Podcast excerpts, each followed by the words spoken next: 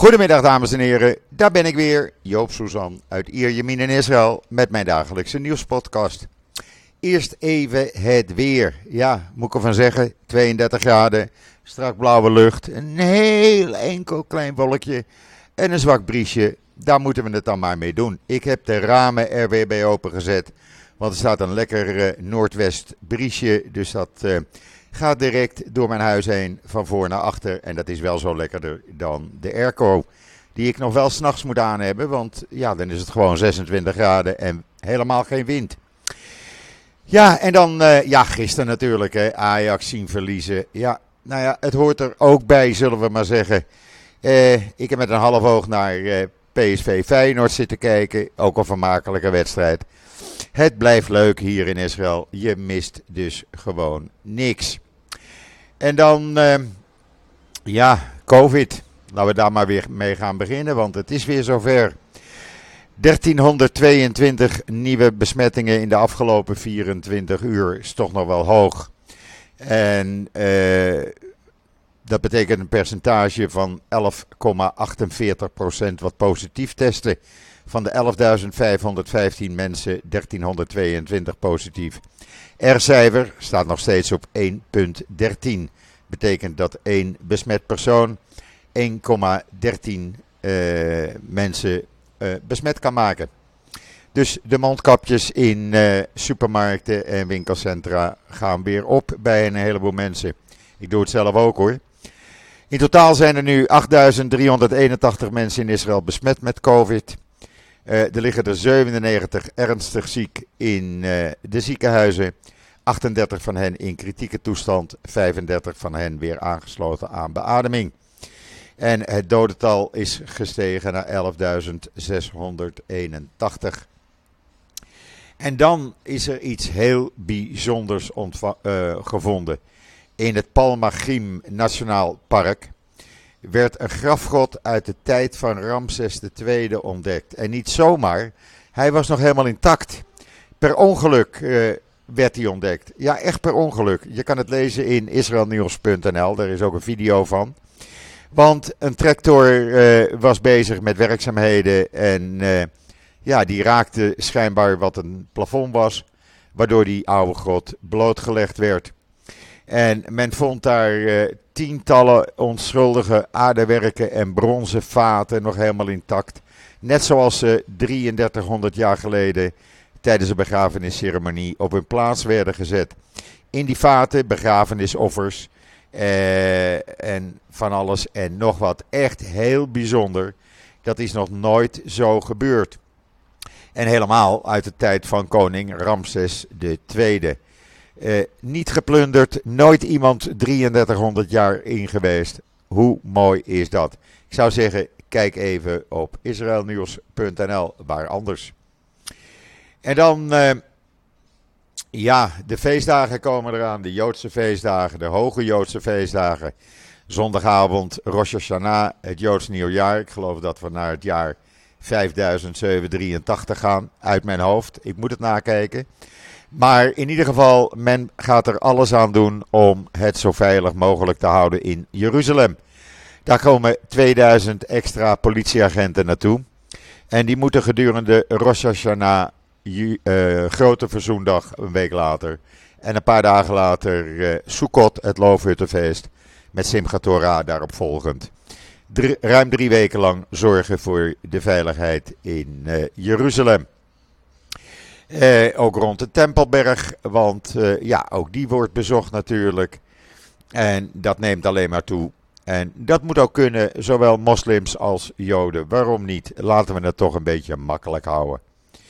En dan eh, goed nieuws, want in het tweede kwartaal heeft Israël op jaarbasis een groei van het bruto nationaal product uh, geboekt van 6,8% Een van de hoogste stijgingen ter wereld. En dat is natuurlijk hartstikke mooi dat die economie draait als een tierenlier. Uh, het heeft weinig te doen met de inflatie, want de inflatie schommelt hier rond de 5%. Dus het is lang niet zo erg als in uh, uh, Europa, met name Nederland, waar 12% of meer is. wel natuurlijk hebben een aantal prijsstijgingen ermee te maken. Maar mensen blijven kopen. En de particuliere consumptie alleen al is in het tweede kwartaal met 10,7% gestegen. dat is natuurlijk hartstikke goed nieuws. Dus wat dat betreft kunnen we met vertrouwen de komende maanden tegemoet zien. En dan waarschuwt het Nationaal Veiligheidsbureau hier in Israël, het bureau van het kantoor van de premier.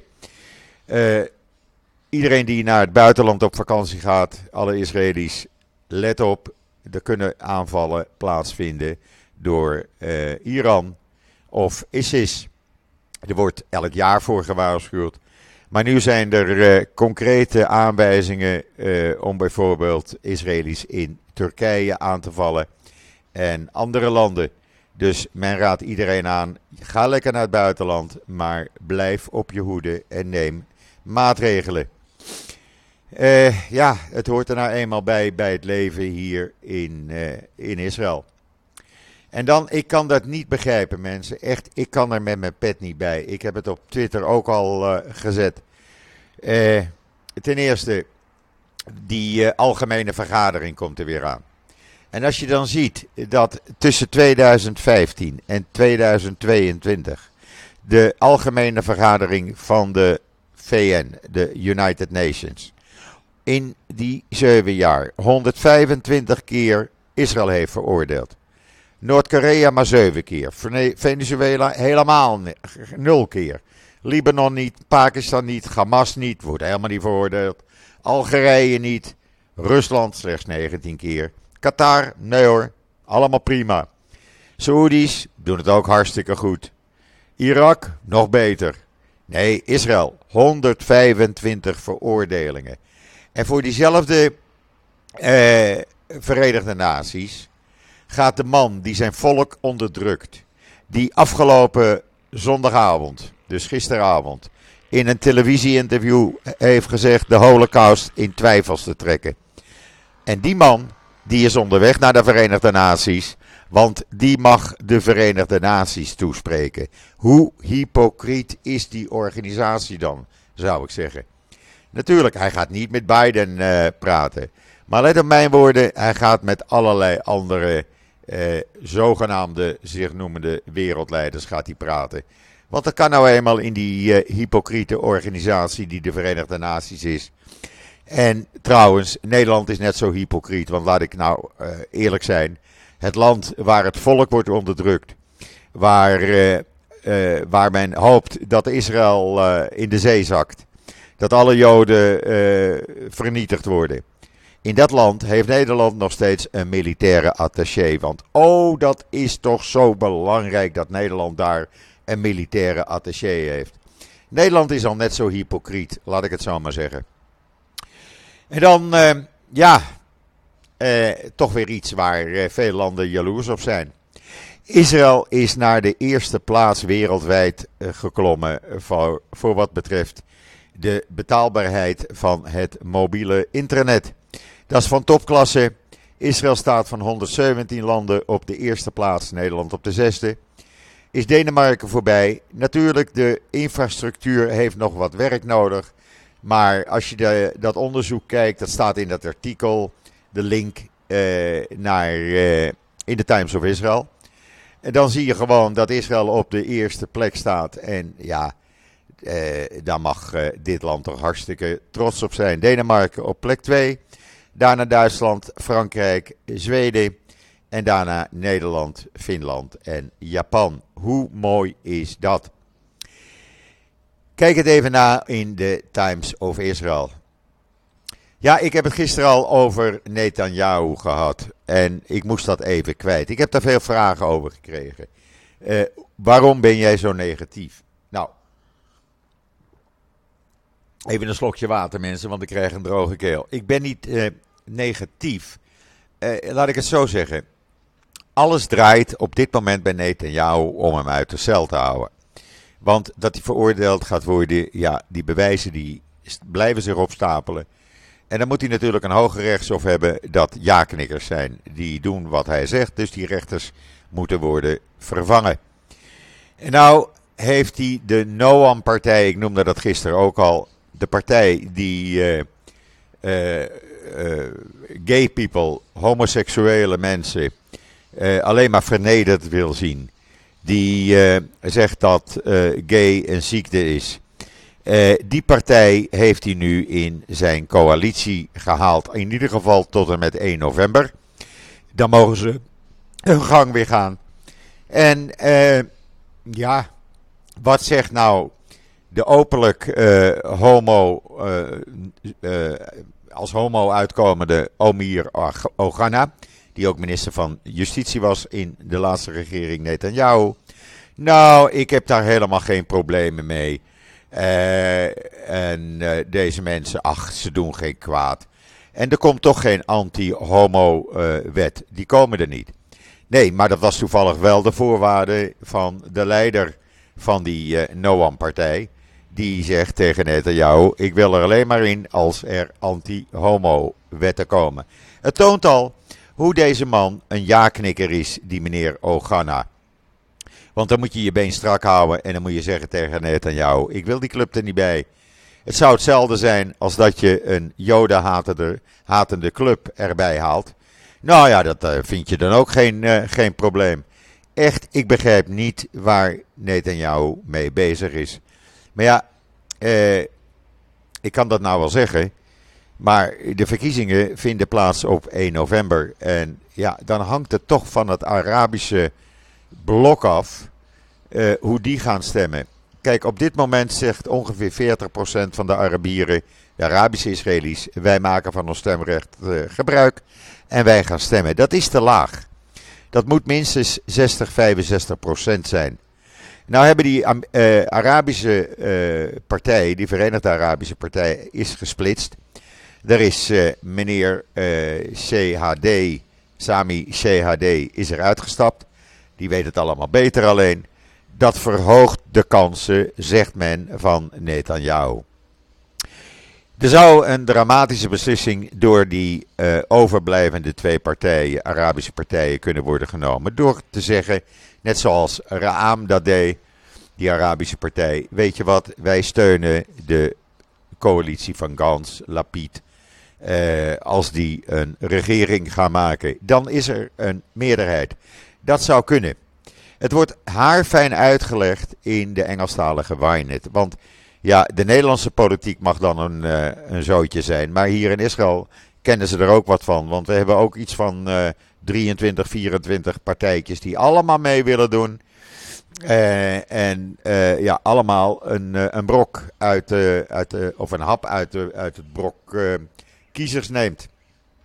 Ja, dus ze kunnen Lapid en Gans aan een meerderheid helpen. Maar dan moeten ze zich wel openlijk uitspreken daarvoor.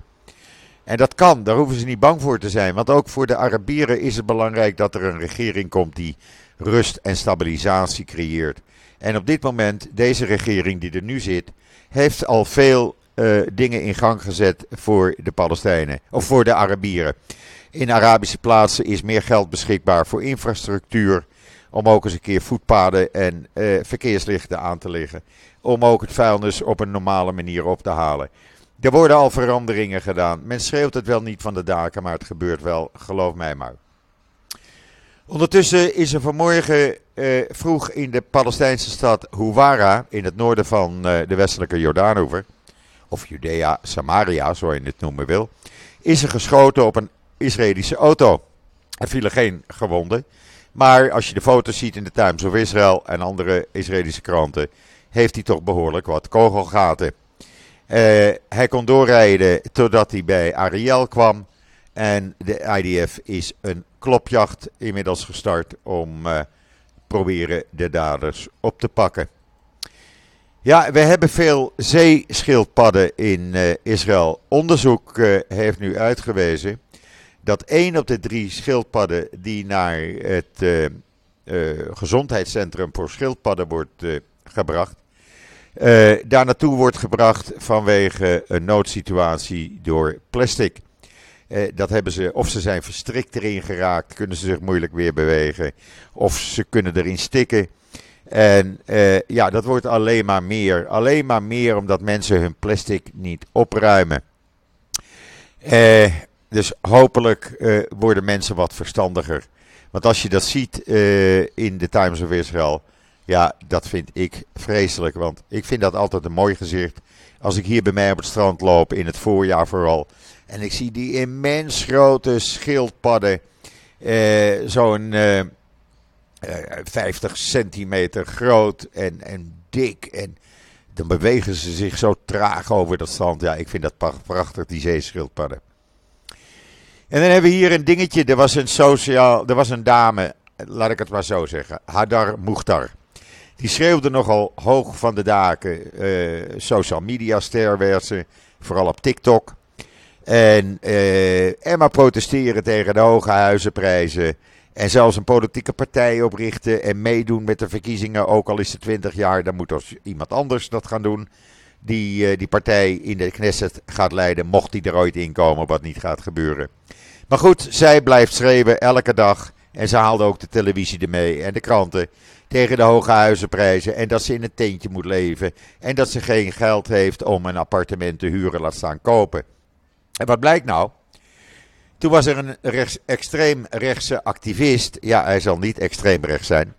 Meneer Joaf Eliassi. Het is ook nog een rapper. Een rapper. En die kwam, uh, ja, uh, ging op onderzoek uit. En die ontdekte dat dezezelfde dame, die klaagde over uh, de woningnood, een vierkamer appartement, een oud vierkamer appartement in Gaifa bezit, wat ze verleden jaar gekocht had voor 825.000 shekel, oftewel zo'n 240.000 euro's. Uh, ja, zegt ze, maar dat is hier van mij, dat staat op mijn vaders naam. Ja, hallo, maar je hebt het wel. Ja, en nu uh, staat ze eventjes met de mond vol tanden. Maar echt eventjes, want ze heeft alweer andere excuses gevonden. Het wordt gewoon hilarisch als je dat volgt. Je kan het trouwens zien in uh, uh, Times of Israel. En er was een driedaags Arabisch muziekfestival in Jaffa. En ja, dat bracht toch Arabisch en Joods publiek samen. Die gingen daar samen van genieten. Uh, waren muzikanten, Arabische muzikanten uit Nazareth, Jaffa, Haifa, Ramle. Het was reggae, hip-hop, elektronica. Het was van alles en nog wat. En uh, iedereen genoot ervan. Joden en Arabieren gewoon samen. Kijk de video's en de foto's op de Engelstalige Ynet. En dan, uh, ja, koningin Elisabeth wordt op dit moment begraven. Uh, ik had al, uh, ik zat te denken eerst zal ik wel of geen podcast maken, maar ik, ach, uh, men luistert uh, naar de podcast wanneer men tijd heeft. En natuurlijk, het is iets buitengewoons, dat maak je zo vaak niet in je leven mee. en natuurlijk, ik zal ook met een half oog gaan kijken, zoals velen van jullie dat gaan doen. Maar de Israëlische ambassadeur heeft gisteren ook bloemen met haar kinderen neergelegd. Sipi Hotoveli. En ze vertelde aan de Jeruzalem Post dat koningin Elisabeth een geweldige diplomaat was en een groot vriend van het Joodse volk. Ja, daar heb ik dan toch weer mijn bedenkingen bij. Oh ja, Joop, ja. Want dan vraag ik mij af, waarom is ze dan nooit in Israël geweest? Koning Charles wel, die is hier al een paar keer geweest. Maar zij is nooit in Israël geweest. Wel in Jordanië, wel in Egypte. Maar Israël had ze schijnbaar nog nooit van gehoord. Ik blijf het toch een beetje een rare zaak vinden, mensen. Maar goed, die uh, media happening, laten we het zo maar noemen, die is nu aan de gang. Uh, als jullie naar deze podcast luisteren, hebben jullie hem waarschijnlijk al uh, gezien. nogmaals, Joop kijkt ook met een half oog, want er moet ook nog nieuws verwerkt worden. Er komt genoeg binnen. Eh, maar het is toch wel bijzonder. Ik vind het aan de andere kant toch wel mooi dat het in deze hectische tijden toch allemaal nog kan. Eh, ja, Ben en Jerry, ze zullen niet in het nieuws zijn.